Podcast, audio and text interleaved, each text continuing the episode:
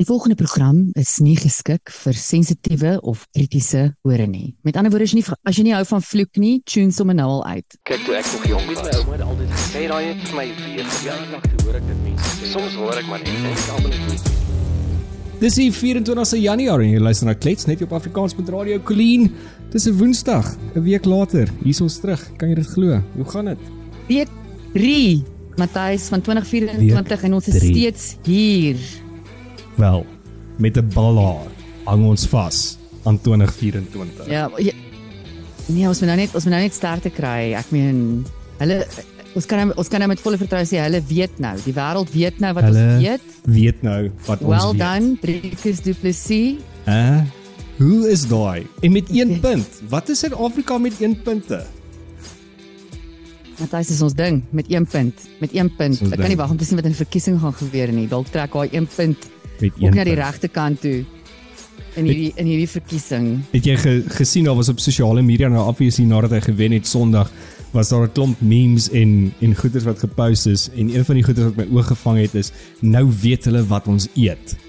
En dan's daar soos boereworsrolle en biltong en pap en alles wat Suid-Afrikaans is. So ja nee, Trikus Trikus stil Knox. Ja. Du Plessis het vir ons trots gemaak. Jy het die game gekyk actually. Yes.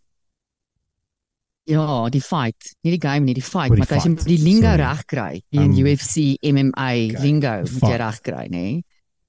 Daar's daar's lingos, daar's handgebare, daar's allerlei dinge wat met hierdie hele wêreld saamgaan Ja. van van MMA fighting. Ja, nee, ek was soos ehm um, die res van die poepel in Suid-Afrika 5 uur het ek daar voor my TV gesit net om uit te vind al ons leuke wat nie regtig weet van hierdie sport nie en dit nou ewe skielik begin volg het. Almal daar 5 uur gesit en ek sien toe op Twitter mense het begin vra is ek op die regte channel want hier's 'n ander fight hier aan die gang. Ander mense was kwaad en hulle wou weet wie is verantwoordelik vir hierdie misinformation. Maar die fight het toe uiteindelik so net voor 9 begin net na 8. Ek kan nou nie eens onthou nie en daai tyd was ek al vir my gevoel soos 4 uur Sondagmiddag. But it was so worth it, Matthys. Kyk, ek gaan vir jou sê ek weet nie of ek iemand ek weet nie of ek gaan toelaat iemand so aan my bliksem nie, nê, maar ek weet nie of ek vrywillig in so 'n hok gaan klim en 'n bliksem vat nie. Nee, my pa het altyd vir my gesê inspiring. my pa het altyd vir my gesê mens slaan nie aan kak nie want dit spat. So dit was sy ding gewees dat ek nie moet beklei nie. So ek ek Ja, sal dit goeie- nooit doen nie. Dis 'n goeie lesie daai Matthys, maar ja, Mhm. dit was so spanningsvol. Volledige 5 rondes. Driekus het nog nooit 5 rondes gefight nie. Ek dink die meeste wat hy gefight het is 3 rondes. Ehm um, en dis maar net 5 minute, maar Matthys, jy so gebliksem word, dink ek 5 minute is is is aansienlik lank. So in al sy vorige fights het hy het hy sy opponent uitgeslaan. Ehm um, teen die derde ronde het hulle volle 5 rondes ge gefight en dan moes dit nou gegaan het op punte. Dis Mm. nou waar die 1 punt vandaan kom. So dit was die Okay. insaneste. Jy het letterlik daar gesit tot reg aan die einde want die fight was so tight. The fight Mhm. was tight, guys. Tight like your father. You really did not know totdat daai ref die hand gelig het van die wenner het jy nie geweet nie. Almal om ek het ek het alleen in my woonstelletjie gesit met my koppie koffie en toe's daar 'n groot gedreun om my toe Driekus as die wenner. Ek is sommer in trane gewees, Matthys. What a moment. Ai Colleen. Ek is baie bly jy het vroeg opgestaan. Ek het ek het ek het besef dat Driekus wen toe ek ook eintlik besef dat daar 'n moese gejuig om my. Dis ek so okay. Ons het 10 teen 1 Driekus gewen of hy het nou verloor. Ja, nee, natuurlik het hy toe nou gewen. Ons hoop hy inspireer vir Bafana Bafana. Klink of Ah, hulle 'n bietjie yeah, beter doen. Shame. Hulle het hulle eerste game in die ek dink is die African Cup wat hulle nou speel. Uh het hulle verloor teen Mali en toe is almal net weer so ag, Here Bafana. I mean, can you guys just gaan speel iets anders? Ek weet nie, gaan try ballet for that matter, but you clearly not good. Nee, jy wil at nie hulle moet ballet opfok nie. Nee. Ja, mind you. Nee, Nee, gaan kom ons hou net alles uit. Gaan werk in die tuin, trek bossies uit. Doen doen iets, maar moet dit net Maar nie dit is- doen in Suid-Afrika se naam nie. kyk op daai stadium wonder mense het hulle die skill om 'n bossie uit te trek. I don't know. Ek gaan nie ek gaan nie Bafana player trust met my tuin nie. Ek's baie erg oor my tuin. Maar hulle het toe nou aangegaan en gisteraan, dink ek, of eergisteraan, weet nie waar ons is vandag nie, maar uh in die afgelope 48 ure het hulle vir Nam Namibië gewen met 4 doele teenoor 0 en ek dink is Hmm. môre aand speel hulle Tunesië in 'n uitklopronde. So steek aan julle kersies.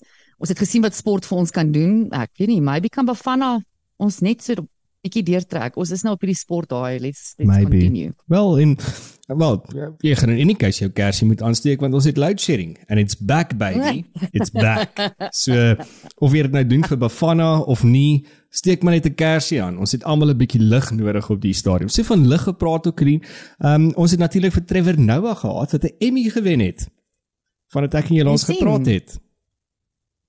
Suid-Afrikaners doen amazing goed, julle. Ons is 'n resilient nasie en ons kan enige plek in die wêreld gaan en 'n sukses van ons lewens maak. Daar is net storie op storie op storie. Wel dan Trev. Ja, ou Trev, ou Trev. Natuurlik media moet natuurlik berig dat dit is die eerste um, nie blanke Suid-Afrikaner wat 'n Emmy wen. As ek iets so het 'n Suid-Afrikaner al Emmy gewen, sover ek weet nie. Maar nou okay. Ja, nee, nee, ek dink as hulle 'n paar actually. Is daar nie het het ehm um, is daar nie musikante wat al Emmys gewen het Ja, dit vir was Grammys. o, het, die Emmys nie 'n musiekkategorie nie. Ek weet nie, maybe het hulle. Score of I don't know. Maar dit was net vir my dadelik een van daai een van daai dinge wat Suid-Afrikaanse media op die stadium dadelik doen. We we have to play the racial card because that is all what they dis al wat ons het. Mm, ons sal nooit sê dat uh, Elon Musk is the first white South African to become the richest man in the world. Nee, ons sal dit nooit sê nie. Nee, nee, ons wil nie sy internet hê Mm. in Suid-Afrika nie. Ons wil nie, want dis Hoorie, dis wit internet. Hier's 'n Ja. hoopvolle storie vir jou want jy het nou eendag ge, ge kalkebraak oor Starlink wat nie Yes. beskikbaar is nie. So ek het op my een groepie op Twitter uitgevind dat Ja. ons wel kan Starlink kry in Suid-Afrika. Jy moet net jou Starlink router satellite dingetjie kan jy gaan koop in Mosambiek Ja, ja. of in Zimbabwe Mhm. of in Botswana en dan as jy hier kom sit jy hom net op roaming and Bob's your uncle baby. Ja, nee, ek het ek het ook daai inligting al gekry verlede jaar. Ehm O, maar- ag ek ag ek vertel nou vir iets niets. Ah, Nee. sorry. Nee, ek braak net gal want ek dink het al hierdie netwerke is vir useless op die stadium. MTN, Vodacom, al daai goeders, storings word gesteel. Ons ons het die naweek gekuier saam met iemand wat in the know is oor wat aangaan byvoorbeeld by MTN. Hulle bou nie meer nuwe torings nie. Um hulle vervang nie meer die goeders mm. by torings nie want dit word die hele tyd gesteel. En my redenasie was net, maar hoekom span daai plekke MTN, Vodacom, al hierdie providers nie saam nie en druk die staat 'n middelvinger en gebruik Starlink? dan het ons geen probleme hmm. meer in Suid-Afrika nie. Maar natuurlik, iemand moet eet. En en dit dit gaan nou net 'n probleem wees. Ehm um, maar daar was 'n paar mense wat lekker geëet het die afgelope ruk natuurlik. Ons het laas gepraat oor Blade en sy sy makkers. Ehm um, so mm -hmm. ons sien nog wat daar gaan gebeur blyk natuurlik op die stadium hy is heeltemal onskuldig. So uh, hy gaan nie eenkant toe staan nie om die ondersoek te laat gepaard of dat die ondersoek laat kan vloei nie. Maar ehm um, ek dink die ander grootste nuus seker wat die afgelope week gebeur het is die vrystelling van die matriek vraestel of mat- matriek results. Matriek Resultate. resultate. Dankie vir my woorde, Coline. En en wat het jy Afrikaans gekry matriek maar Thys? Hæ? Maar dit kan het jy vir Afrikaans gekry in matriek? Ek het in Afrikaans baie goed gedoen in matriek, maar toe gebeur die lewe en alles is Engels. En nou is my Afrikaanse woorde meeste van die tyd weg.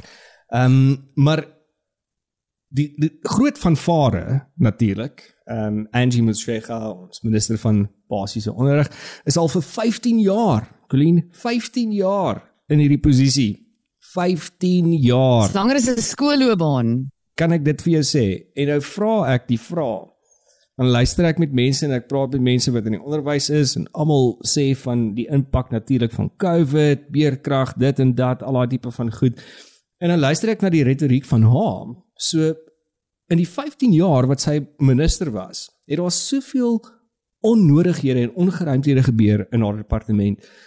Eh, Kinders wat jy het laas gemention, kinders wat in in ehm uh, spoeltoilet nie 'n spoeltoilette het nie, wat wat nie krag het nie, wat nie Long drops. baby, long drops wat al daai goeders het.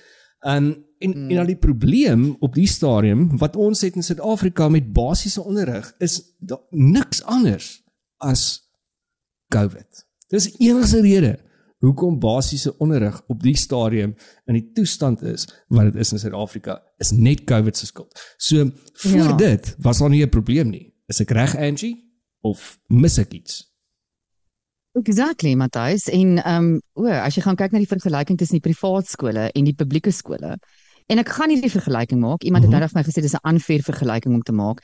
Ek voel nie dit Ek is dink dit is aanfair nie. Ek voel dit in publieke skole, ouers betaal belasting en daar moet goeie onderwysers in daai skole gesit word en daar moet goeie prosesse en sisteme in plek wees om vir daai kinders ook 'n fair chance te gee. Nou gaan ons Fearless Ek dink hy is hy die premier van Gauteng Pan- Panyaza so fair. Ja. Pan pan kan iemand net kom slaan met 'n pan. Ehm um, hy het nou die uitlating gemaak dat hy gaan nou hy gaan nou begin advocate vir die feit dat almal dieselfde eksamen moet skryf en dat die independent skole nie meer hulle eie eksamen moet skryf nie. Nou, jy weet waar moet ons moet ons standaarde weer laat val. Dit dit is mm -hmm. alles wat die ANC aanvat wil hulle opfok. Iets werk, so die independent skole werk. Ek meen hulle het fantasties gedoen in hierdie eindeksamen. Ja. Ehm um, wat vir my baie interessant was van van die die verspreiding van skole wat baie goed eh uh, privaat skole wat baie goed gepresteer het is dat daar is baie min skole in ek wil eintlik vir jou sê as ek nou net my lysie kan kry ek dink ons een skool in die top 10 skole wat actually in die Kaap provinsie is. Die res, die meerderheid van hulle huil uit Johannesburg uit. Mhm. Tweede meeste huil uit ehm um, KwaZulu-Natal uit. Ehm um, dan is al Somerset College uit Stellenbosch uit. Dis die enigste Kaapse skool wat ek kon kry. Het Ek net seker maak ja. Ehm um, nee, ekskuus, daar's nog een meisieskool, uh St St Kay St Caprian School. Ehm um, maar die res en, en dis duidelik dat dit is daar daar's 'n need hier. Ehm um, so as jy kyk na die publieke skole dan dan vaar die Kaapse skole aansienlik beter as die res van die provinsies. Maar jy weet hierdie hierdie ding van Panjaza, dit is regtig vir my nee julle, ons wil nie hê goed moet werk nie. Plaas dat hy nou sê ons moet by die privaat skole gaan leer. Kom ons gaan kyk wat doen die privaat skole anders as ons en ek gaan nou advocate en ek gaan regtig 'n kampvegter word vir die feit dat ons dit moet dupliseer in ons publieke skole. Gaan hy eerder nee nee nee, niemand hier mag presteer nie. Niemand in Suid-Afrika mag goed wees in enigiets nie. Ons moet almal kak wees. Ons moet almal mediocre en kak wees. So kom ons forceer die privaat skole om ook nou mediocre en kak te raak. Ek was bitter ontstel toe ek daai toe ek daai statement van hom lees. Ja, ek verstaan nie want dis dieselfde ek het dit onlangs gelees in die nuus. Ons kom nou weer terug hierdie is 'n side note. Onlangs gelees in die nuus dat Ysma Geshule het ehm um, basies maar bekend gemaak dat ehm um, hy- weet dat al die verkiesings voorheen in Suid-Afrika gerig is. So dit gaan vir hom interessant wees om te kyk wat hierdie Mm. jaar gebeur. So oh, dit, dit is ons retoriek, dis wat ons sê. Ons weet dat hierdie goed is gebeur en ons aanvaar dit. Ek hoor die ander ding is is dat ehm um, president Zuma het gesê die enigste manier hoe om die DA in die in die uh, Wes-Kaap uit hulle setel uit te kry of uit hulle stoel uit te kry is dat die Wes-Kaap en die Oos-Kaap saamsmelt vir hierdie verkiesing. Want dan gaan die ANC Brilliant. verseker wen. So ons is heeltyd besig met hierdie plannetjies om onsself net Om verder goed kakker te maak. Exactly. Exactly. Wel, so gepraat van goed net 'n bietjie kakker maak. Ehm um, die Angie ein, einste kyk ek het mos nou nie ooghare vir daai Angie Motshega vrou nie. Ek ek het nog Tannie nooit Angie. gehad nie. Tannie Angie sy lyk like, elke keer vir my asof sy nog steeds aan die slaap raak. Asof sy nie weet waar sy is nie. Ek weet nie hoeveel gin of wat sy drink nie, maar it's not going well with her. Um, dis natuurlik nou groot roem dat ons het 'n uh, 'n 80 uh, persent slaagsyfer gehad, 82.9%. 82. Ehm um, om presies te wees. Maar as as jy nou 'n bietjie verder gaan kyk oor hoeveel mense of kinders of siele het um, in 2012 graad 1 begin en dan gaan kyk ons nou hoeveel leerders het op die ou ende 2023 matriek geskryf is dit 50% van die leerders het ons in 12 jaar Hmm. iewers langs die pad verloor.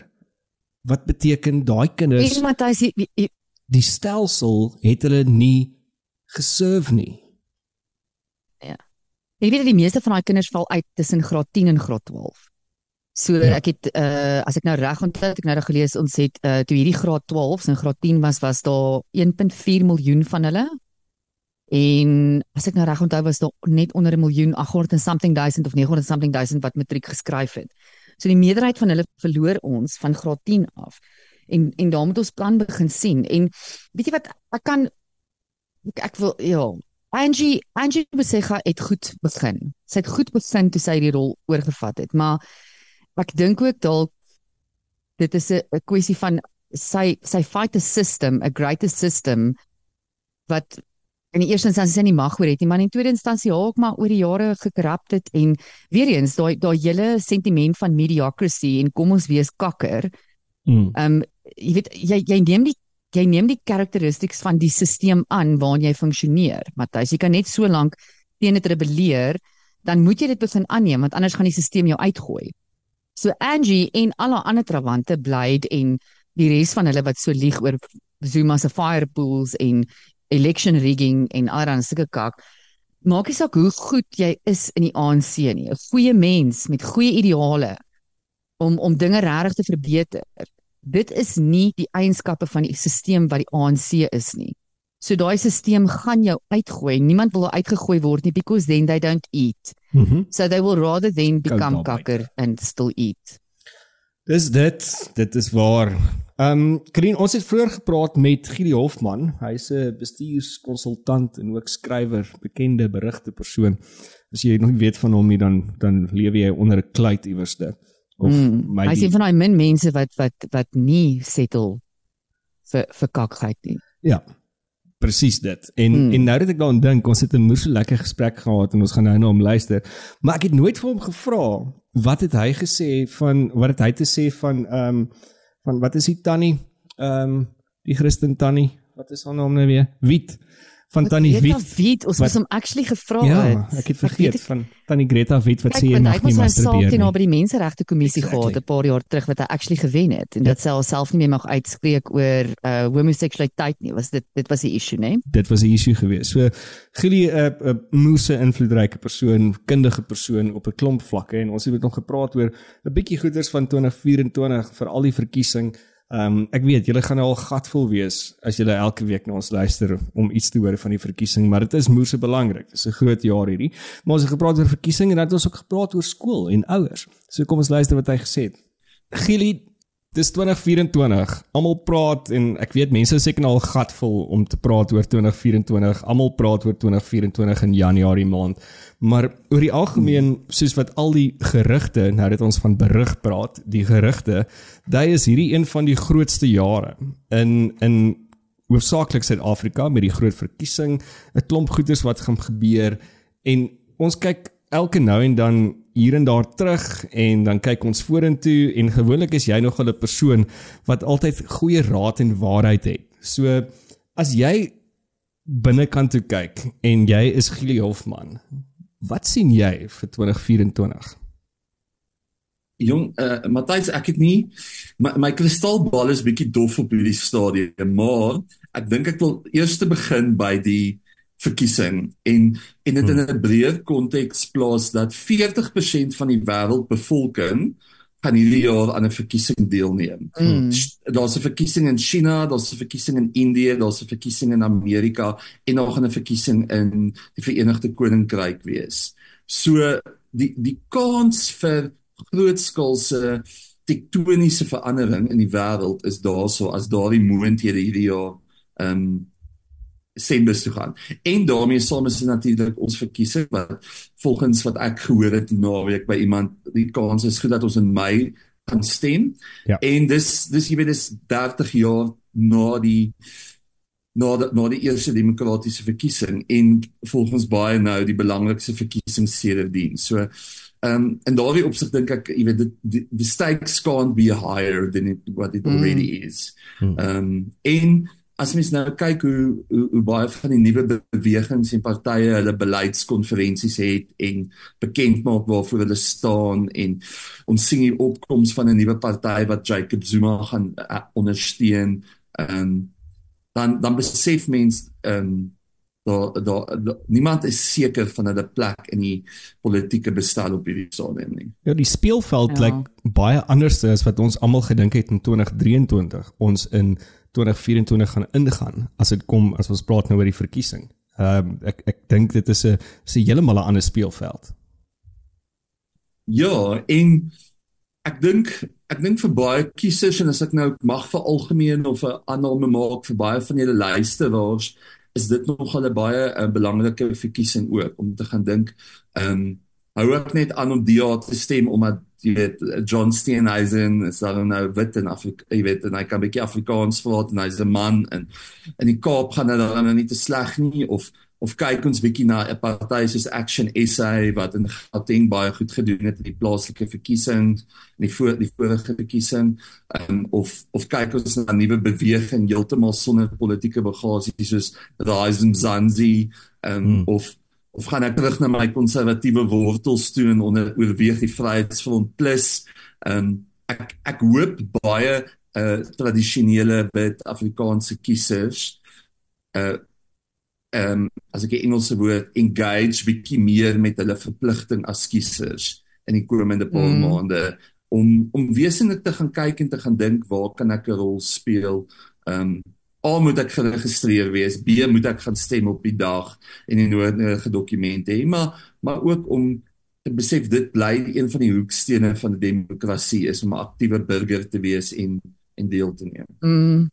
Ek dink ons almal as Suid-Afrikaners het 'n bietjie wakker begin skrik vir al die laaste paar maande en begin besef ons gaan moet aktief begin engage um as ons enigsins ons ons destiny wil vinniger verander in 'n positiewe rigting. En Giel, ek meen in jou professionele doen en late het jy nou baie um gekonsulteer in leierskap, baie geleer in leierskap op verskillende vlakke en ek dink dit is waar ons so half uitgelewer voel op die oomblik. Um in in alle kultuurgroepe in hierdie land is hierdie hierdie absolute sens van daar so tekort aan leierskap. Wie is die goeie leiers? Na wie kyk ons en ons gaan wow, daai ou of daai girl, hulle gaan 'n ding kan los. Like, ons kyk net na hierdie die koalisie ehm um, partye wat nou wat is die wat is die beweging se naam nou weer Matthys die ou moonshot pack. Veel nee? party handfees.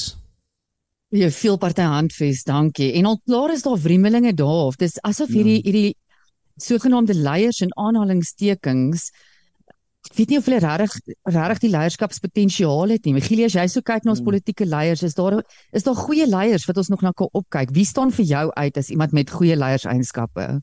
Ek ek is baie bekommerd want ek dink ons gaan in 'n era van koalisies in op nasionale vlak ook nou waar ons dit nou al op eh, munisipale vlak gehad het en jy weet ek dink eh, in Pretoria was dit baie ehm um, daar was baie skommelinge die laaste 2 of 3 jaar.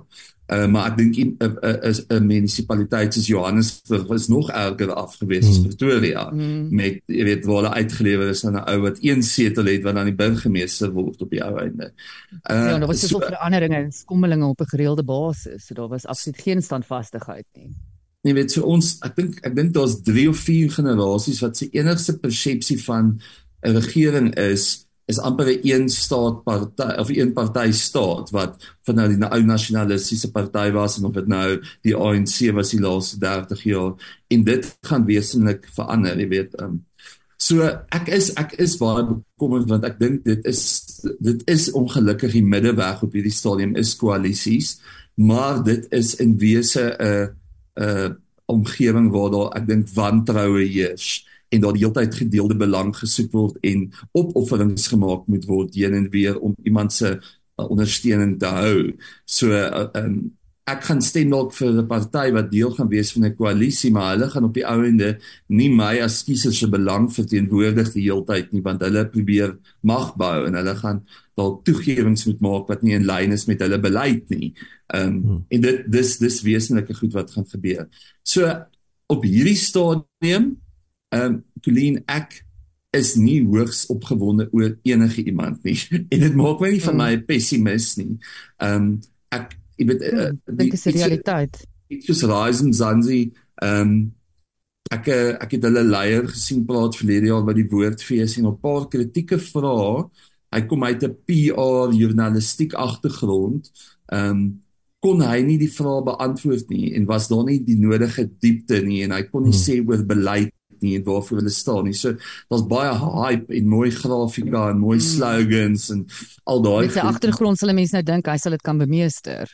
Ja, maar maar hy hy, hy kommunikeer goed, maar daar's nie gravitas gewees ah, nie. Ah, hoor ja. So so hulle nou die la, so die naweek was dit nou hulle konferensie, so ek kon nou nog gaan kyk wat het daar uitgekom.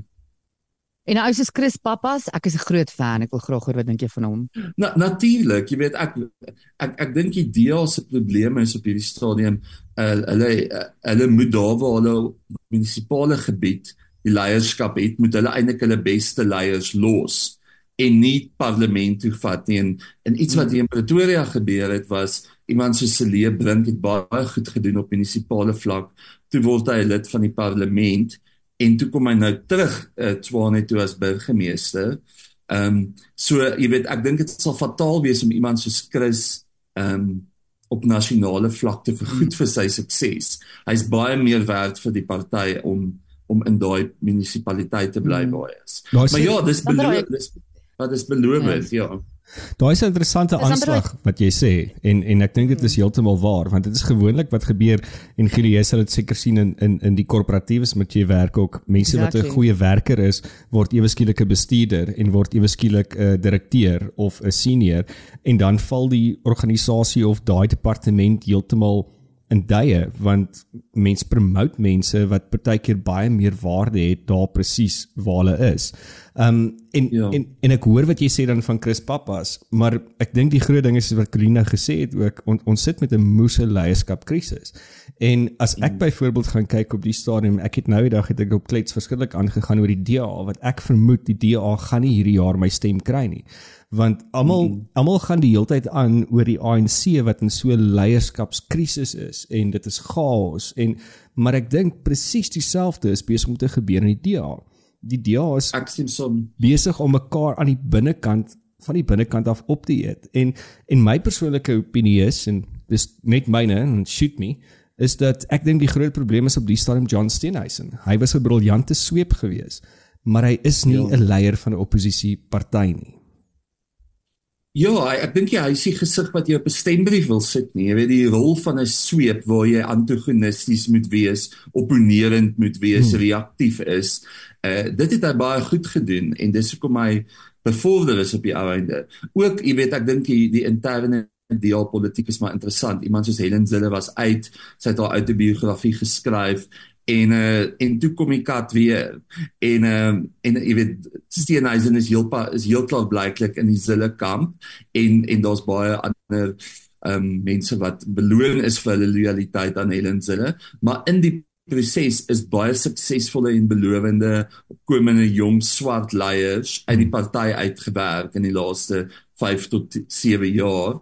Ehm um, en waar hulle op 'n stadium soos 'n party gelyk het wat 35% van die stemme kon kry is sal dit vir my interessant wees om te sien hoeveel hulle bo die 20% gaan gaan in hierdie verkiesing hmm. want ek weet net nie of John Hayes John Steenhuisen spreek tot die die die swart middelklas nie uh en nog minder tot die swart werkersklas nie en dit is waar 90% van die stemme in die land lê. Ehm yep. um, so Ja, wat, ek, wat jy nou gesê het van die ekskuus Colleen en, en en dan en dan spreek hy ook nie tot my wat mense sou dink van hom gaan hou nie. So, yes. ek, en, ja, en dit is nie net omdat hy omdat ek het 'n issue met sy gewig, maar dis nie net omdat hy vet is in my opinie nie. Ehm um, want ek hy moet net beter klere begin dra, regtig. Maar ehm um, wat jy eintlik gesê het vroeër, Gili het ons gepraat het oor hom as 'n chief hoop en ek dink dit is op die storm hier identiteit wat wat die DA het daai chief hoop identiteit. Hulle is antagonisties, ja. hulle is opportunisties en hulle hulle bou nie regtig 'n party nie. Hulle is regtig hoe jy dit verduidelik het nou voel vir my dis hoe ek dit ja sien. Eintlik as 'n chief hoop, ja, as hulle kultuur. Hulle hulle het op 'n stadium vir 'n groter idee begin staan, pre-Musi Maimane en met Musi. Hmm. Um, maar nou voel dit vir my hulle teruggeskuif na daai Tony Leon era van fight back jy weet was al die ja, plakate was amper so die Karen van die van die van die parlement jy weet hulle sit en moan vir my heeldag en sit en wag om en, iemand uit te vang iets verkeerd doen in plaas van om om om my te inspireer met iets wat en, hulle anders kan doen. Ek ek wil nou nie onnodig persoonlik wees nie maar ek gaan nou in, in my wijk iets deur waar ek 16 maande lank aan die kommunikeer is met die DA oor dienslewering. Hmm uh, Celie Brink was deel daarvan en hy het op 'n antwoord op 'n stadium lede van sy MMC was deel daarvan. Die caucus leier het verlede jaar saam met my gaan koffie drink en is 4 maande later en die naald het nie beweeg nie. Hmm. en dit maak my bekommerd oor hulle kapasiteit om werklik iets te doen. Waar in die verlede het ek gevoel bly stil oor al hierdie uh, identiteitspolitiek gesprekke en lewer diens want dit is waar hmm. mense julle gaan ondersteun. Bly stil maak slaggate reg maak lekkende pype, tel vullis op, sny die gras, al daai basiese goed wat my en jou lewe elke dag beïnvloed. Ehm um, wees 'n party wat dit doen, maar toe hulle probeer om nou belang deel te word van identiteitspolitiek en amper anti-woke probeer wees. Maar 'n perfekte voorbeeld is soos jy weet John Steenhuisen het Oekraïne toe gevlieg om te gaan kyk wat in die oorlog aangaan en nou is hulle chips nou is hulle chipstel oor wat aangaan in in hmm. Gaza maar toe ehm um, Caleb Kanchalia homself uitgespreek het wat 'n ja. baie prominente leier in die party was as hy gevra om te gaan. Hmm. Ehm um, So so so hulle wil hulle wil op die einde ook eintlik deel van die woke gesprek wees, maar hulle wil nie op hierdie stadium hulle Joodse finansiële ondersteuners kwaad maak deur te sê hoorie sal julle daar's heel moontlik 'n 'n 'n volksmoord aan die gang en ons moet dalk ook op die vliegtuig klim en gaan kyk hoe dit gaan as ons bereid was om Oekraïne toe te vlieg. Hmm. Uh, so hmm, exactly. so ja, ek, uh, so ek dink jy hulle staan meer vir iets nie. Ek weet nie wat is die kern want as hulle nie aan die een kant die dienslewering regkry nie en hulle is ook nie besig om 'n inspirerende groter idee te skep waar wat spreek tot 'n breë basis van kiesers nie. Weet ek nie wie gaan vir hulle stem op hierdie stadium nie. Ek ek dink jy's mm. heeltemal reg en ek dink ook jy slaan die spyker op die kop. Hulle wil nie al daai merils daar in in C-punt afbus nie, want dan gaan hulle nie meer ja. geld hê om te doen wat hulle moet doen nie. En natuurlik ook ja. mense wat in die Kaap bly wat nou luister, gaan heeltemal met ons um disagree om te sê maar die DA is amazing. Kyk hoe lyk die Kaap. Kyk hoe goed word die Kaap ja. gereageer. Maar dit is daai ding van daai ek ek gebruik altyd die voorbeeld van daai padda in 'n warm in 'n warm pot. Die Kaap is ook nie meer ja. wat die Kaap was 4 en 5 en 10 jaar terug nie. Die Kaap is besig om agteruit te gaan in my opinie wat elke nou en dan daar kom. En hulle dink ek raak ook net gewoond daaraan want ek weet nou eers of die DA mee perform in die Kaap nie. Wel, ek weet ek het vanoggend in die koerant gesien daar daar's nou klagte teen 'n groot diensverskaffer wat 'n DA diensverskaffer is of hulle is verwydering in die in die stad want uh jy weet praat met enigiemand wat op die Kaapse vlakte bly En sy mm. belewenis van die DA ja, in in in, in die Weskaap is anders as iemand wat in Tamboerskloof of Bishopscourt of Stellenbosch bly. Mm. Ehm um, en en ek het dit gesien, jy weet met my werk reis ek nogal baie in Tshwane en met die met daai groot munisipale verkiesing verlede jaar wat wat ek dink regtig 'n verlies was vir die DA op die ou einde waar hulle 'n bietjie chicken gespeel het. Ehm um, kon jy sien die dienslewering in tradisionele wit woonbuurte en die dienslewering in die middestaat of op die kante van die stad waar daar 'n meer geïntegreerde gemeenskap is. Dis twee heel verskillende vlakke van dienslewering. En dit is nie hoe hulle op die op die ouene nuwe kiesers gaan kry deur net hulle bestaande kiesers te diens nie. Hmm. Ehm um, maar dis 'n beleid wat hulle definitief dink ek besluit het op. Ehm um, wat kortsigtig is volgens my. Kom, kom ons gooi dit net dalk net gou 'n bietjie weer groter. Kom ons sê dat ja. ehm ja. um, ons kyk na die verkiesing 2024, dink jy dat dat die ANC gaan nog steeds 'n beheerende regering bymekaar kan kry? Kyk, ek dink die vraag is gaan hulle 50% op hulle eie kry en as hulle nie dit kry nie, gaan hulle wie gaan hulle oor die wenstreep help. Gaan gaan hulle in 'n koalisie ingaan met die EFF wat dalk 8 tot 10% van die stemme gaan kry wat definitief vir hulle dan oor die wenstreep sal kry, maar gaan gaan dit beteken Julius Malema word die volgende adjunkt president van die land. Hmm. Wat gaan die EFF se vereistes wees want hy weet hulle hulle hulle is net 8 tot 10% van die kiesers, maar dit is die persentasie wat die ANC gaan nodig hê. Ja. So ehm um, en en en en ek ek jy weet ek dink ek dink ons mag dit maar nou regheid sê Cyril Ramaphosa het grootliks misluk as leier van die van die ANC maar ook van die land jy weet in die, ja. in die eerste ANC kongres het hy David Mabuza nodig gehad om president te word van die ANC en met die tweede kongres het hy ehm um, ehm um, Grady Mantashe nodig gehad om en en al twee kere dit beteken hy hy kon nie sy mense aanstel in die in die uitvoerende komitee nie.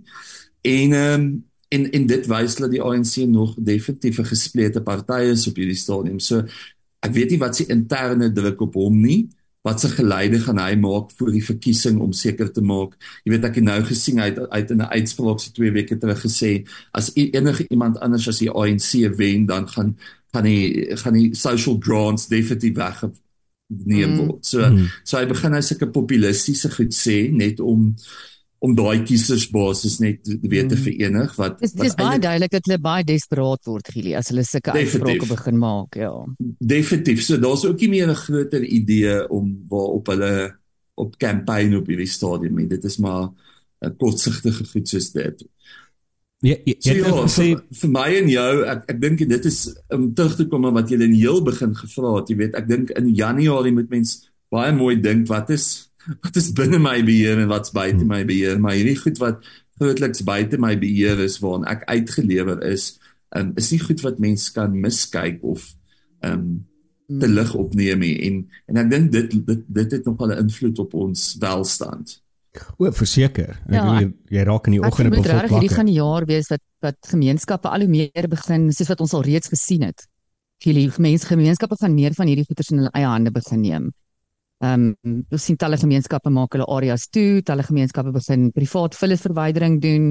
Al daai basic ja. services en spesifiek wat jy sê ons gaan moet kyk wat is binne ons beheer en unfortunately it seems like no one's coming to save us. So ja. ek dink 2024 is vir my eh, ek dink 'n jaar waar autonomie en uh, taking back your power is uh, dink ek gaan 'n groot tema wees.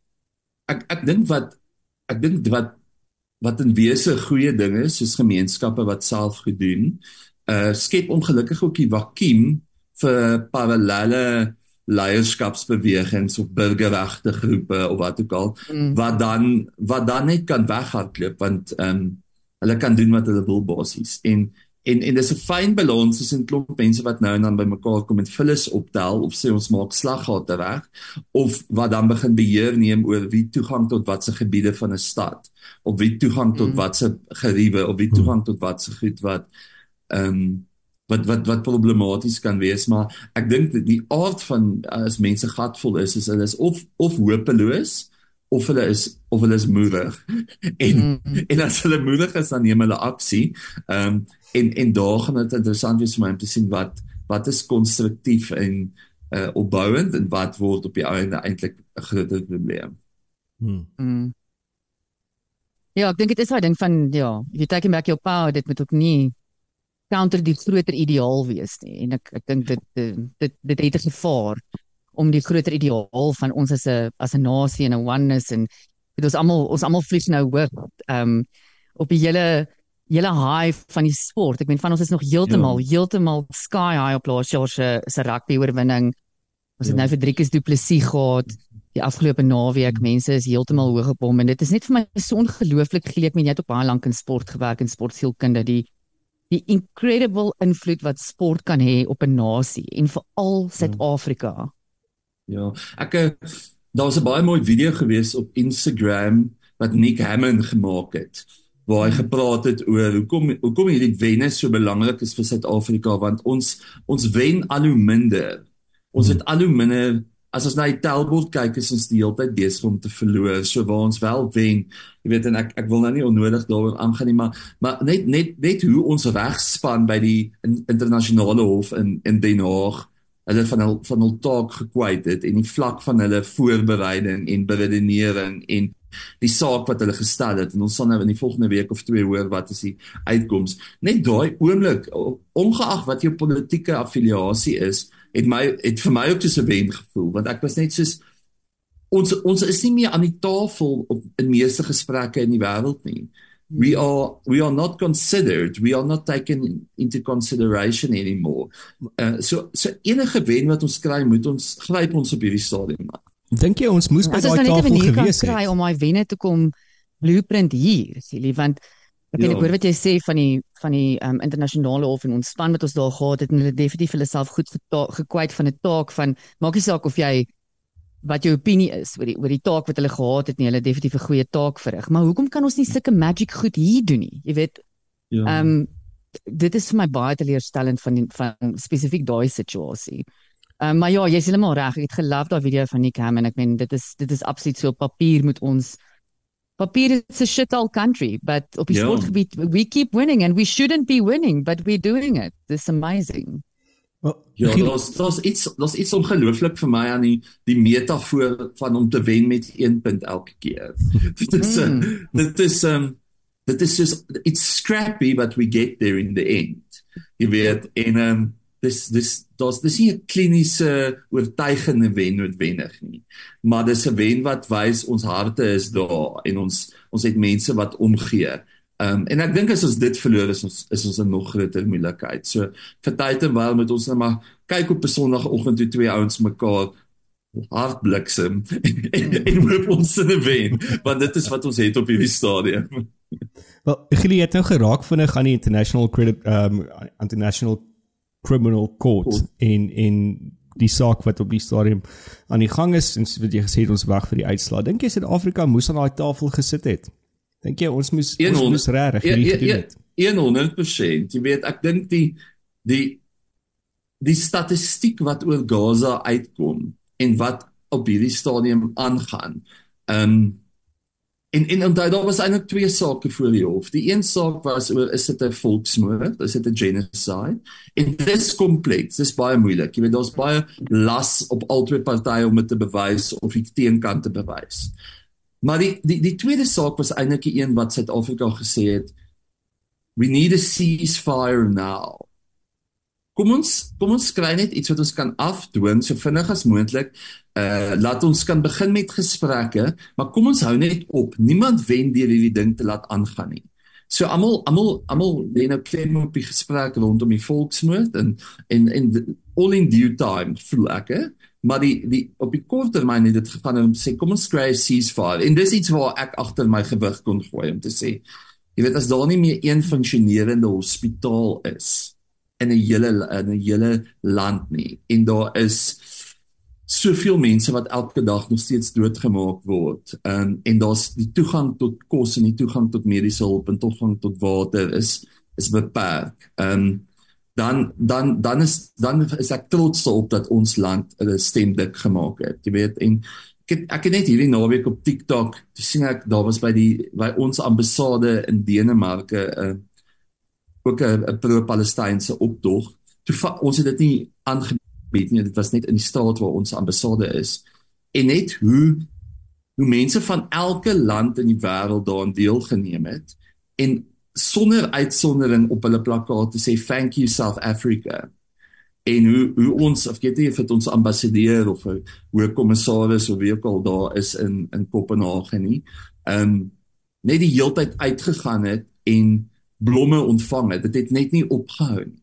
En ek het na daai oomblik gekyk en ek gedink jy weet daar's baie goed, daar's jy weet mense is so binêr hulle sê ons moes nie deelneem aan daai gesprekkie want kyk wat gaan in ons eie land aan hmm. ek dink iets either or nie ek dink jy kan ek dink jy kan so iets doen en hard probeer om op op die tuisfront ook goed reg te kry so ek ek ek dink ons het veral rondom die um ceasefire dink ek het ons hmm. die regte ding gedoen om dit te sê daar's daar's oorverdowende stilte terwyl daar 'n slagting aan die gang is. Hmm. Kom ons kyk net of ons 'n tydelike oplossing kan kry.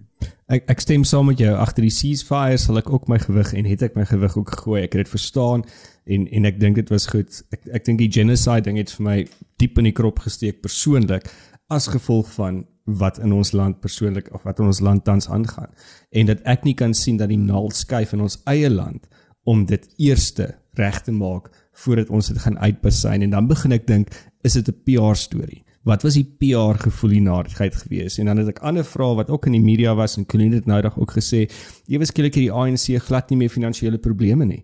So dis dis baie toevallig dalk ja, moontlik dis my conspiracy theory maar ja. Ja wel daar was nou daar's nou oornag gestaan 'n uh, 'n joernalis of 'n akademikus in in Iran vermoor.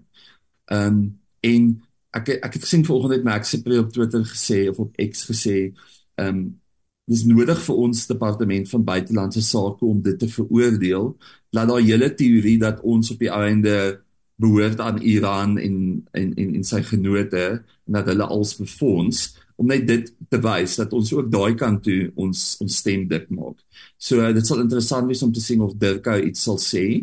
Ehm um, hmm. maar ek ja, ek dink in teorie ongeag hoe dit aan mekaar gesit is, wie dit gedryf het. Ek dink die mense wat die saak fisies hanteer het, is bo verdenking en en die die regsgrond was daar gewees en ek dink ek dink daar's 'n goeie kans vir ons om ten minste 'n gedeelte van die saak te wen rondom rondom die ceasefire, die skietstilstand. Mm. Ek dink daai sal 'n groot wen alreeds wees vir Suid-Afrika om daai te wen. Ja. Hmm. So ja, dis dis laat die ANC, jy weet, um, enige enige plek in die in Afrika waar die bevrydingsbeweging die regerende party geword het. Ehm um, was dit interessant om te sien toe hulle mag verloor het of hulle die politieke mag oorgegee het en of hulle ehm um, aan bewind ge, gebly het. So ons het nog altyd goeie onafhanklike verkiesings gehad. Ehm um, iets wat ek net in my agterkop het is om te sien hoe gaan die ANC dit hanteer as hulle dalk nie 50% ja. by die by die stembus kry nie. Gaan hulle die demokratiese prosesse hulle gang laat gaan? Gaan die verkiesing onafhanklik bly? Ehm um, gaan hulle hou by jy weet by die grondwet? want op ander plekke in Afrika het dit nog nie behoorlik gebeur nie en, en, en is dit nou 'n toets vir ons? Ek dink jy is reg, dis 'n grootse toets vir ons demokrasie. Hierdie 2024 verkiesing. Ja. Indeed. Miskien om so 'n bietjie ratte te verander, Gili, as jy nie omgee nie, ja. ek gedink ek gaan nou hierdie kans vat sien dit ons Johan lyn het. Ehm um, jy het nou al baie werk gedoen met skoolkinders en ehm um, sover ek verstaan jy nog steeds konsultasiewerk by skole. Ja. Ehm um, en jy weet ek het die afgelope paar weke Desember was ek nou weg saam met 'n klomp gesinnetjies wat ehm um, mo baie mooi aanteel en pragtige kindertjies gemaak het. jy weet en dan dis my so beautiful so vakansies saam met sulke kinders aan die einde van die jaar en die begin van die nuwe jaar om hulle drome en hulle ideale en hulle excitement te sien, jy weet van hulle gaan nou hoërskool toe en dit is net absoluut die anticipation en hierdie hierdie ongelooflike verwagtinge van hulle maar as, as maar ook van die ouers en dan ja. luister ek na hierdie gesprekke tussen ouers alleen, tussen ouers en kinders en net tussen die kinders as jy nou so op die kantlyn kan sit en afluister dit wat die kinders oor praat. En dan wonder ek myself, are our kids okay? Die ongelooflike ja. druk wat daar op hulle gesit word nog voor die skool eers oopgemaak het. Ehm um, ja. jy weet ek het ehm um, van die kinders wat nou saam met ons was is is ongelooflik ehm um, talentvol in sport en baie van hulle het beurse gekry om nou daar's daar's twee van hulle wat beurs gekry het om nou volgende jaar by baie prestigious skole te gaan aansluit. En ek meen daai kinders het hulle self en dis baie gedissiplineerd ek al my hoed vir hulle af. Ek weet ek kon 'n bietjie meer gedissiplineerd soos hulle wees maar um, ek meen daar's geoefen elke dag. En en die ouers het ja. het seker gemaak daar's 'n sekere hoeveelheid tyd geoefen. Daar is rantsoenes gesit op wat hulle mag eet op die vakansie en dan dink ek hierdie kind is 13 jaar oud Dit is ja. dit is my verskriklik. Hoe hoe wat is die sentiment onder ons jeug? Hoe gaan dit in skole? Hoe wat is wat is daai vlakke van druk en die die pressure se duidelik baie verander van toe ons op skool was. Hoe, hoe lyk die stand van sake nou volgens jou? Jy sien ja, Ekeline dit, dit voel nou eintlik baie in frivolous om oor sulke goed te gesels, maar daar's altyd 'n spanning tussen die mikro en die makro goed. So ons het nou baie oor die makro gespreek gepraat, maar op 'n dag tot dag basis is hierdie tipe goed weer wat wat vir alle jong mense lewe die meeste beïnvloed waar hulle mm. nog grootliks verskerm is teen die die groot eise wat aan demokrasie gestel word. Mm. Uh, vir hulle is dit belangriker wie wen die slagveld uh, van die interreis atletiek. Jy weet, so daai da, that's the true fight in the time. Uh op 'n ernstige noot, ek dink eerstens is dit nou 'n generasie wat wat ten minste vir 'n jaar, jaar en 'n half baie skool gemis het met COVID. En mm. en daar waar ek ook al kom, hoor jy nog ehm um, waar hulle sê, jy weet, kinders wat in die laerskool was het in het in graad 8 opgedaag en nie noodwendig benodige vlak gewees nie. Kinders wat graad 8 en 9 was, het gesukkel in die senior fase en van daardie kinders begin uit nou, dit was hierdie week die matriekuitslae nou uitgekom wat hmm. wat natuurlik 'n groot manifestasie van al hierdie goed is waarvan jy praat.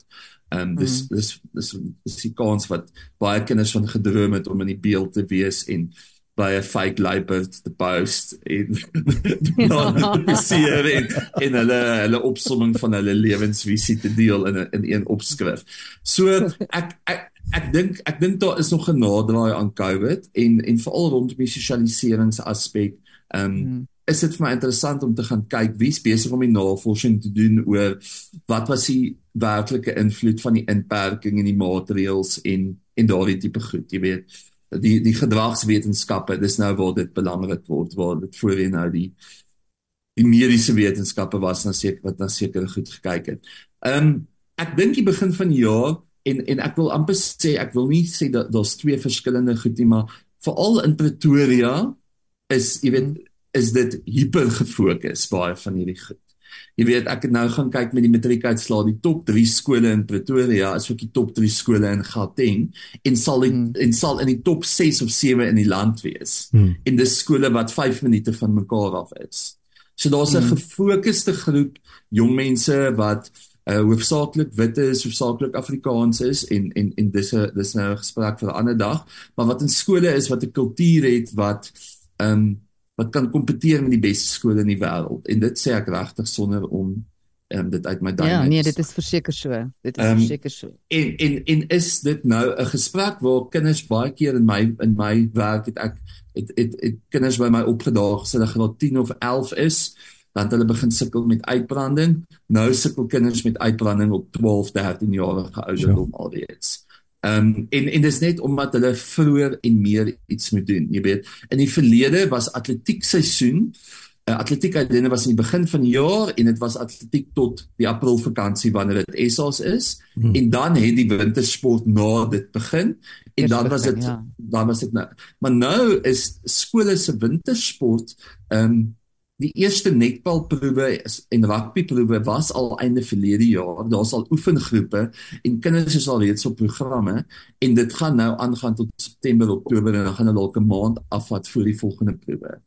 Ehm um, so so so in die verlede het, het het ons altyd gesê as 'n kind een of twee sporte doen is dit genoeg.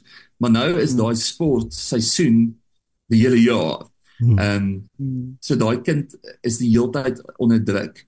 Uh, en ek sien dit nou by van die kultuuraktiwiteite ook. Goed wat in die wese eintlik nie kompeterend was nie, maar lekker was. Iets soos 'n revue. Nou nou dat 'n revue 'n sport gedoen kinders hmm. geword. Ja. Kinders word nou in busse rondgery na Brakpan toe in Carnival City wat volgens my maar gespreek is vir 'n ander dag. Om ja, wie wil nou daar optree maar okay. ja, maar maar maar twee in die oggend moet hulle nou veilig op 'n bus teruggebring word want want nou hmm. neem hulle deel aan kompetisies om te sê ons wil wees die beste in die land. Hmm. So waar waar 'n kind in die verlede gesê ek tree 3 keer 'n jaar op, een keer vir die oupas en die oumas en een keer vir die gala aan. Nou moet hy bereid wees ja. om die hele jaar net in die skoolsaal of die kerksaal. Presies en jou jou maat jou klere gemaak op haar Elna en in daai masjien en dit hmm. was goed genoeg nou word dit professioneel ingekoop jy weet hmm. so ek dink wat op op die mees praktiese vlak wat ek vir ouers altyd sê is jy moet op die ou einde cool en kalm bepaal wat is die beste vir jou kind en dit is hmm. baie moeilik as jy die heeltyd kompeteer met die landmans en die van der Merwes en die deprees en die koekemoes.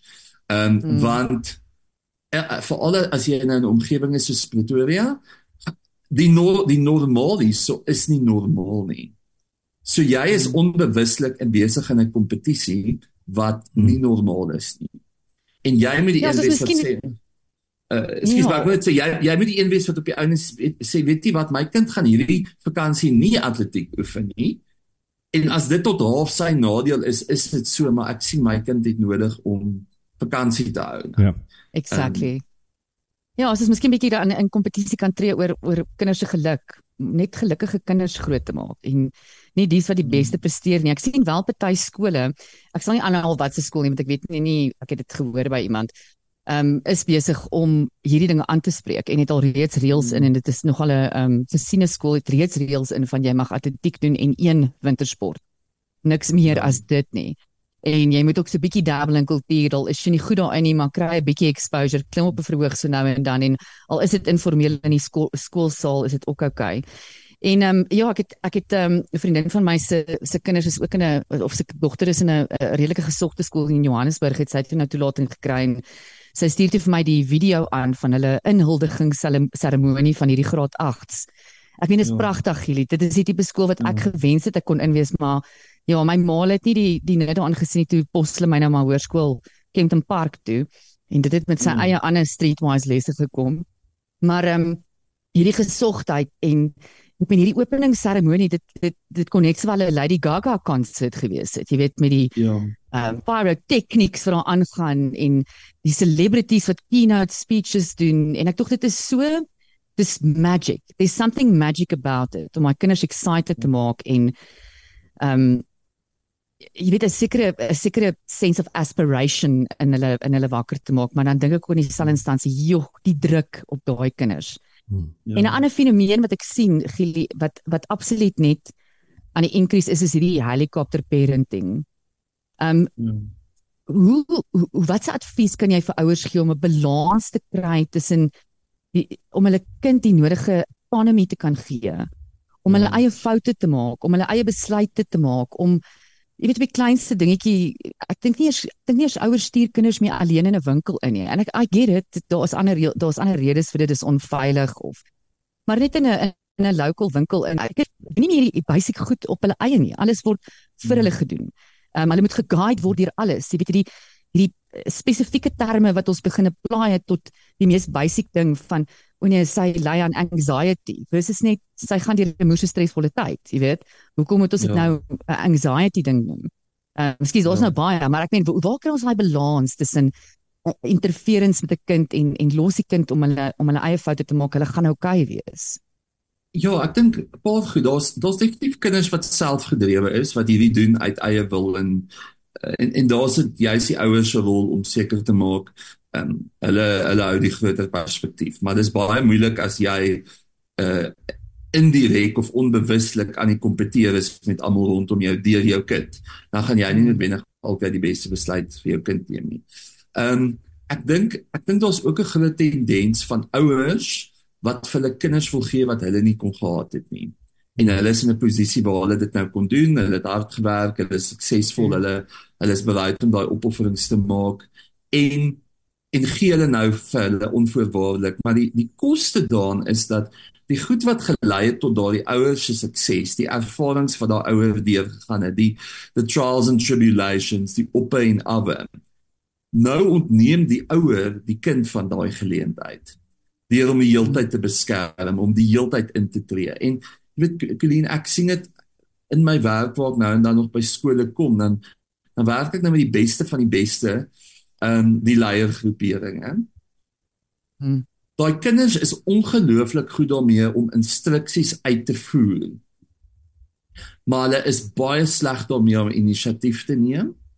Hmm. Hulle is baie sleg daarmee om 'n um, uh, kreatief te wees, iets nuuts uit te dink om bietjie van 'n risiko te vat want hulle is hulle hulle hulle oorwegende ding is ek mag nie 'n fout maak nie of ek mag nie val nie of ek mag nie misluk nie of ek mag nie teleurstel nie want um, hulle hulle het so goed dit al uitgefigure hoe om dit nie te doen nie maar die koste is daaraan is dat hulle op die ou einde net iets doen as dit vir hulle gesê word dan doen hulle dit ongelooflik.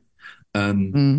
Ek ja. het verlede jaar ek het verlede jaar dit nou met my P dogter beleef wat sy was nou graad 6, sy's nou hierdie jaar graad 7 en sy's nie 'n leier by haar laerskool nie.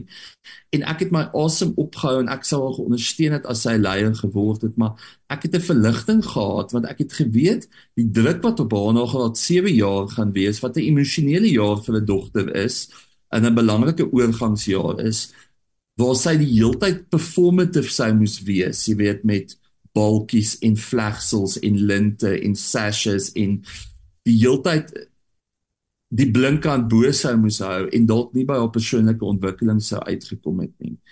Ehm um, en gelukkig het gelukkig het sy 'n oomblik 'n dag of twee teleurstelling gehad en toe sê okay. Maar ehm um, ek dink ek dink weer eens soos ek sê as 'n ouer nie 'n baie sentrale persoonlike beleid hier rondom het nie, gaan jy die heeltyd reaktief wees tot dit wat rondom jou aan die gang is. Ek ek noem daai helikopter ouers drone ouers eintlik. Hulle is meer hmm. drones want hulle sak nou nog laer af en hulle dip soos hulle dip soos volke in en uit die heeltyd. Ehm um, ja. en uh, Dis so moeilik yeah. want hulle, hulle hulle kan dit nie sien insien op hierdie stadium nie. They they are in it. They are too close to the situation. Dis my so interessant wat jy nou noem van ehm um, die feit dat hulle so goed kan instruksies uitvoer maar hulle kan nie inisiatief vat nie en ek ek sien dit in baie kinders en ek vir algemeen nou vreeslik. Dit is nie alles. Dis nie al die kinders nie en moet sê ek, ek is gelukkig om kinders te ken met ongelooflike imaginations en wicked yeah. Ja. senses of humor en ek geniet almal van hulle. Maar jy maar jy jy sien dit ook in in in die situasies waar tablette byvoorbeeld weggevat word of ehm um, mamma gee vir ons iets om te doen. Wat gaan ons nou doen? Dit is amper die hele dag moet so gestruktureer wees. Dis amper ja. soos om op 'n jy weet 'n structured vakansie, 'n kontiki toer te moet gaan met 'n groep mense en jou hele itinerary moet vir hulle uitgewerk word elke ja. dag. En ek meen jy weet ek onthou as kind toe ons speletjies uitgedink het, nuwe goed uitgedink het, scenario's create het en in ons eie droomwêrelde gelewe het vir vir 2 of 3 ure. Ek is die Ja. prinses en jy is die draak en ons bou 'n kasteel. En ehm um, ek dink dit is 'n uh, Skielik, ek meen in die in die langtermyn gaan gaan 'n generasie wat so groot word gaan 'n baie duur prys betaal vir dit, Ja. vir die feit dat inisiatief en imagination ehm um, verbeelding ehm um, nie nie teenwoordig is nie. Jy weet En, Colleen, um, ek het ek ek het ek het nie nou daai uh uh notaatjie by my nie, maar die wêreldekonomiese forum het so 4 of 5 jaar terug um rondom rondom die nuwe nuwe era waarin ons in beweeg gesê wat s'ie vaardighede wat die belangrikste is in wat die groot companies soek in mense. Mm. En al daai vaardighede was gekoppel aan hierdie goed wat ons nou sê. Mm. Um Voorbeelding, kreatiwiteit, inisiatief. probleemoplossing, ehm um, menseverhouding, sulke tipe goed. Dit was die sagte skills, die skills wat wat nie so meetbaar altyd was voorheen nie. Ehm um, en jy weet ek ek doen nou nogal baie werk by die universiteite deesdae en by een groep waarmee ek besig is, werk ek met die nagraadse groepering en en dis op die punt waar hulle uh vir die honeursgroep se ouers 'n vergadering hou aan die begin van die jaar om Wat? vir die ouers te sê wat is julle Oh rol in julle kinders se student. Nou dit gaan twee kante toe want aan die een kant is dit added value. Dit dit maak almal se lewe makliker. Maar aan die ander kant ek ek kan nie my ouers was nooit op kampus nie. Verstaan jy? Oh dit was die, Ja. En, ek ek nou- kan op jou naal sê wat sy my ma se reaksie gewees het op dit en dit sou 'n reguit gewees het nie tyd geskak nie. Van lewe jou lewe. Ek, ek Precies, is stom en, eh, geslaan. Ek meen op 'n neersvlak dat hulle dat hulle is ja, okay. Ja, Dis baie ja, so so mens kan mens kan jy weet jy, jy, jy kan dit nou waarde toevoeging sien, maar in beginsel is dit teen daardie tyd voel jy iemand moet so iets self kan doen. Ehm um, hy moet die Mm. lewensvaardighede in plek hê as hy as hy akademies kon kwalifiseer moet sy lewensvaardighede ook eh, jy weet gelykstaande wees om so jaar te kan oorleef en nie Mm. afhanklik wees van sy van die ouers nie. So so ja, ek, Ja. ek ek, is net bang ehm um, waar eindig die kinders op. Ehm um, en ons is dis asof ons besig is met 'n eksperiment in real time en en niemand het nog eintlik die handboek met die reëls nie.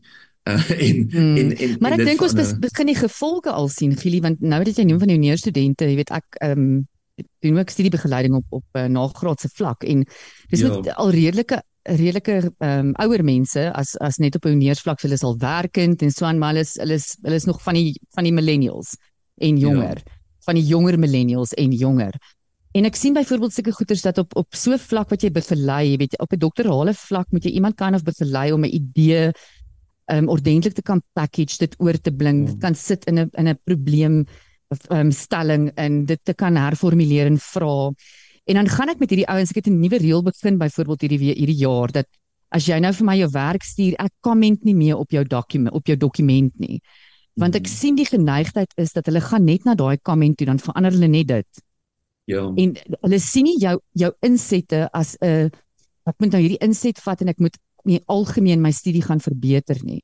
Ek het byvoorbeeld laasweek 'n um, 'n student gehelp met een van my studente en vir gesê jou titel is misleidend want jy sê jy doen 'n case study in jou titel, jy sê the case of maar jy doen nie 'n case study nie. Um, jy doen iets heeltemal anders en haar, haar respons aan my was soos o, oh, okay, so if I just remove the word case, then it will be okay. Dis so dis so ingehou op 'n spesifieke ding en dan moet jy nou baie rustig vir haar probeer sit en verduidelik nou it's not about removing a word, it's about writing sensibly and communicating yes. what you want to communicate. Dit gaan nie oor reg en verkeerde merkies nie. Hmm. En ja, sure. Wel, So ek, ek weet, dink ons ek- begin al klaar die gevolge van dit sien. ek het net nou die dag dat ek ehm um, met met kinders te doen gehad wat soos 12 of 13 is en hulle lees maar hulle lees nog nie eintlik goed nie en hulle praat maar hulle praat tog nie eintlik mooi nie en maar daar is nog goeie skole hulle is in jy weet baie goeie skole en ek is soos ek wens ek wens daar was vryheid in die departementele onderwysstelsel waar waar jy vir kinders eintlik net vir Afrikaans en Engels geleer het en wiskunde en vir hulle gesê het ons doen elke dag 'n begripstoets. Elke dag van jou lewe gaan jy 'n begripstoets doen. Elke dag van jou lewe gaan gaan jy 'n samevatting doen of 'n luistertoets doen en een keer 'n week gaan jy 'n toespraak moet skryf. Want daai vaardighede wat jy leer uit daardie drie goed uit is onmeet van onmeetbare waarde vir die res van jou lewe. By by een van die akademiese groepe waar ek betrokke is, jy weet sê een van die dosent vir vir die studente gereeld you need to move away from memorizing to developing a point of view. Bedoelende Absolutely. Wat is jy hulle dis net daai instruksie ding. Hulle is so goed om te sê wat moet ek leer? Okay, ek gaan leer dit so goed as moontlik en ek gee dit weer woord vir woord.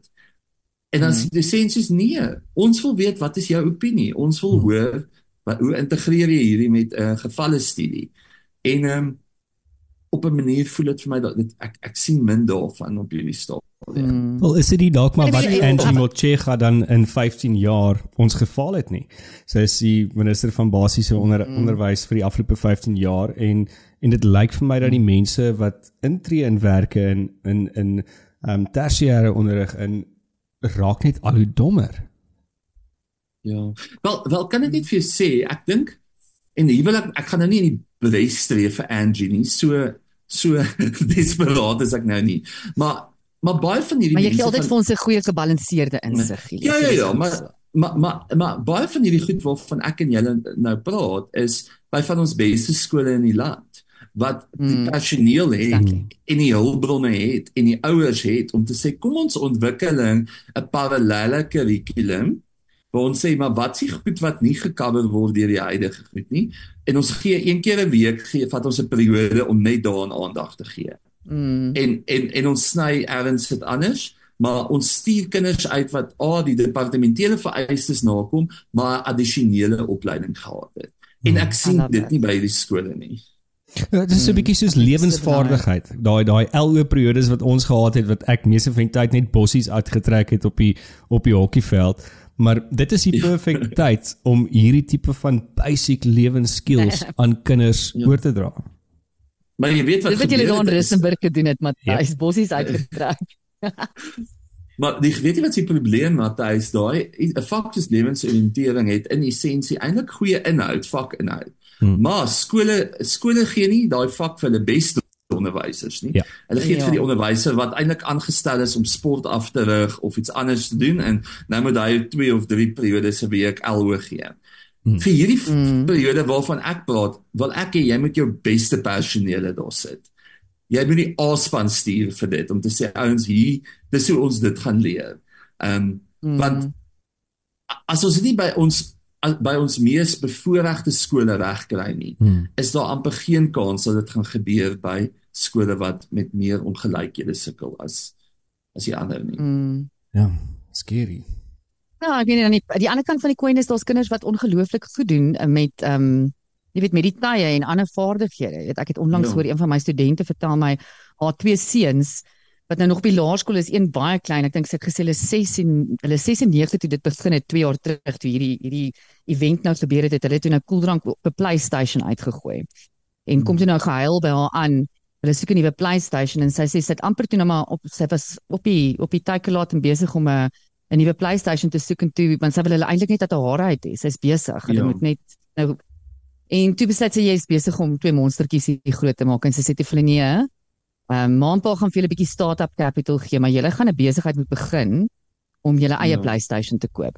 Anyway, langs die rekord Gili, dis 2 jaar na die tyd. Hierdie laities het nou begin gaming equipment verkoop aan hulle vriende. Dit source op die internet en dit teen 'n wins verkoop. Hulle staan nou waar hulle het hulle eie online ehm um, site. Sy het nou so 6 maande terug vir hulle 'n warehouse moes kry vir al die goed wow. wat hulle nou distribute. Hulle nuutste is nou hulle Januarie projekkie is om nou stationery pakkies vir skole bymekaar te sit. Hulle het al die die skryfbehoefte lyste by al die verskillende skole gekry en hulle sit Ja. dit vir al die kinders bymekaar en hulle pos dit vir jou. Hulle turn of hulle ehm um, hulle sole profit op hierdie stadium is oor die 200 000 rand 'n maand en hulle het al vir 5 mense werk werke geskep. So ek meen Wow. dit is dit is ongelooflik. Daar's kinders wat regtig ongelooflike goed doen. So ek wil net ek wil net Ja. hê dit moet ook gebalanseerd wees. Ons sê nie net daar is probleme met ons kinders nie. Some of them are doing really well. Nee, een- 100% en en ek moet sê al hierdie kinders wat so ongelooflik presteer, werk ongelooflik hard en offer op en al daai goed, maar ek dink ons wat wat ons doen is ons kyk na die tendens en ons kyk in watter rigting die tendens beweeg en en die die, die uitskieters wat se kant toe ook al sal sal daar altyd wees. Maar my my mees praktiese ding en ek ek, ek dink dis maar waarna toe ek altyd sal terugkom is om vir ouers te sê stap dit vat 'n halwe treukie terug al net jou kop bietjie uit die bynes uit en besluit maar wat werk vir ons as gesin die beste. Hmm. Of wat is eintlik nou op hierdie ouderdom gepas vir my kind? Um en en ja, in die proses gaan dit dan dalk koste daarin wees by die skool of wat maar maar my kind gaan mettertyd gaan hulle nog steeds uitkom by baie belangrike goed as as Hmm. hierdie kortsigtige soos jy sê um itineraries vir waar kinders elke middag uur vir uur vir uur gereguleer word. Ehm um, Mm. ons ek dink nie dis 'n wen op die ou einde. Ek dink ouers moet net vir 'n oomblik weer ouers word. En en al die mense waarvan ons nou praat is is omtrent ons ouderdom. Dis ons ouers. Ons ons is deur baby boomers grootgemaak en ek meen ek kan klomp goeie sê van die baby boomers hoe hulle ons gemoer en gebliksem het en 'n klomp goeie Ja. verkeerd gedoen het, maar ook 'n klomp goeie baie reg gedoen het. En ek dink ouers moet, UFC elke naweek. ja, ek ek dink ouers moet net weer die verantwoordelikheid van ouer opneem en besluit soos wat jy Ja. sê wat is reg vir ons gesin, wat is reg vir my kinders en dit nie noodwendig net oorlaat aan 'n onderwyser want ek betaal hulle baie geld nie. Be the parent Ja. for your children. That is what they need. Op, op opvoeding kan nie geoutsource word nie. Ja. In die eerste Mm, plek is op is opvoeding iets wat by die huis moet gebeur. Okay, dit was nou Gielie, 'n uh, lekker gesprek, hè? Soos wat hy sê, ons het die Mm. ons het die mantel wyd gesprei, die net wyd gesprei. Maar ja, jy het dit so mooi gecoin actually dat Gielie het 'n manier om op 'n rustige wyse vir jou goed te sê dan mense soos ek byvoorbeeld en jy wat baie sterk opinies het vir 'n oomblik moet ek stil sit en dink daaroor. En Mm. is my opinie geldig? Want ek Mm, is mal vir my eie opinies. Ja, ek ek ek love mense soos Gielie en ek dink ons het meer van hulle nodig. Mense wat jy weet ek sê ook altyd two things can be true at the same time, Ja. maar dan praat ek met iemand soos Gielie en is iets wat ek preek, maar dan besef ek as ek met hom praat, ek lewe ook dit ook nie altyd nie. Ek lewe nie wat ek preek nie en ek moet dalk meer Ja, ek dink dit is belangrik ook Matthys in hierdie jaar wat vir my so so special is soos wat Gielie gesê het, ons ons moet na mekaar kyk hierdie jaar. Ons Ja. moet regtig na mekaar kyk. Ons moet uitreik na mekaar toe. Ons moet ons moet ja, daai kameraderie moet ons begin bou want ons gaan mekaar nodig hê hierdie jaar. Dit gaan 'n dit gaan 'n lang jaar wees, Colleen. Dis week 3. Mm. Daar's dan nog daar's dan nog 'n paar weke oor. So ons moet Mm. kyk kyk vir mekaar. Maak seker jy jy surround yourself met mense soos Philly, mense wat jou laat dink, Ja. mense wat jou challenge, mense wat nie altyd met jou saamstem nie. Mense wat nie ja en amen sodat hulle in jou groepie mense kan wees en jou aanvaarding kan kry of gewoonlik ja en amen mense net as hulle nie belangstel in wat jy te sê het nie. Hmm. So surround yourself with people that challenge you wat jou kan support en en jou uitdaag um op dieselfde tyd. En as jy 'n ouer is van kinders, luister na wat hy gesê het. Wees 'n ouer en Mm. en gaan kyk vir jouself in die spieël of met jou ander helfte en vra dit wat ek aan my kinders doen, is dit goed vir ons gesin en is dit goed vir ons kinders? Want jy sit nou in die posisie waar jy die toekoms van Suid-Afrika opvoed, voorberei vir dit Mm. wat vir hulle voorlê. En en moenie laat mense skryf eendag oor jou generasie as die generasie wat die jeug gefaal het nie. Mm. Weet jy wat vir my baie spesiaal was wat Gielie gesê het Matthys en wat jy nou ook op op op ehm um, raak daar. Ek, ek dis baie moeilik om ouer te wees. Ek meen ek ken baie ouers, ek is nie self 'n ouer nie.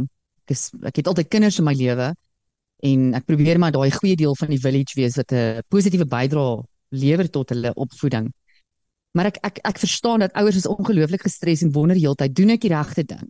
Hmm. doen ek dit op die regte tyd? Jy weet, moet hoe moet ek dit doen? Aan wie moet ek my ore uitleen? Ons nou nog praat oor ou Greta Wit, bless her for all the good work she does, maar liewe Vader, ek dink ook partymal sy subpuntenerig sy het vroeër okay, laat ons nie daaroor praat oor haar masturbasie video nie. Ons kan oor 'n haar praat op show. stadium, ja. Maar ehm um, ek ek verstaan dat ouers is baie gestres en doen ek die regte ding vir my kinders. Ek wil hulle nie skade doen nie. Ek dink nie ek dink nie enige sane ouer, dis definitief die outliers wat kinders wil skade doen. Enige normale ouer wil net die beste vir hulle kinders hê. Maar wat Gielie daar sê is wat is die beste vir vir ons gesin? Wat is die beste vir my kind? Hmm. As jy as jy net dit voor voor oë hou die hele tyd, dan dan doen jy wat jy moet doen vir jou kind en dit is die beste, mamma en pappa. Dit is die beste. Ehm um, ja, yes, daar jy jy het net so mooi gepraat, Colleen. Mm. Ek het skoon 'n para in my keel. Kom net skoon Sien maak. 'n bruis. Nee, fuck. Ehm um, ek leer dit ander mense se foute uit. So dit was nou klets gewees uh, op hierdie 24ste Januarie 2024. Dankie dat jy geluister het. Onthou uh deel share die goeters, like dit, skryf ons reviews op die platforms. Ehm um, deel dit net met almal. Ek meen as jy as jy dink Skryf ons jou insette, comment 'n ja, bietjie. ja, stuur bietjie vir ons ietsie. met ons engage. It's the year of engagement. Ja, stuur vir ons hier na kontak by afrikaans.radio. As jy ook ander idees het vir potgoeis, is jy meer as welkom om vir ons 'n e-mail te stuur. Uh daar's 'n paar lekker nuwe goeders wat binnekort uh op die rak gaan wees of op die lig gaan wees. Een waaroor ek moer so baie na uitsien is Boekpot met die bekende skrywer Sydney Gilroy mm. wat in Februarie gaan launch. So ja, ons gaan binnekort met hom ook 'n gesprek hê en bietjie hom beter leer ken ook iemand wat verskriklik uitgesproke is en en ongelooflik intelligente kommentaar lewer. En bietjie by hom hoor waaroor waarna kan ons luister in Boekpot.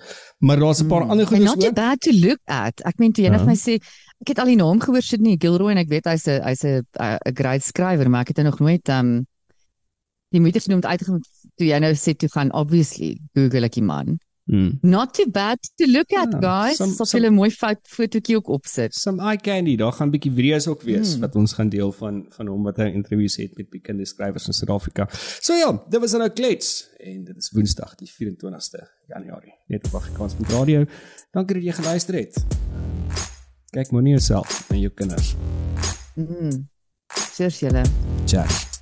Kyk toe ek nog jong was, my ouma het altyd gesê daai het vir my weer verjaardag toe hoor ek dit mense sê. Soms hoor ek maar net en ek almal goed.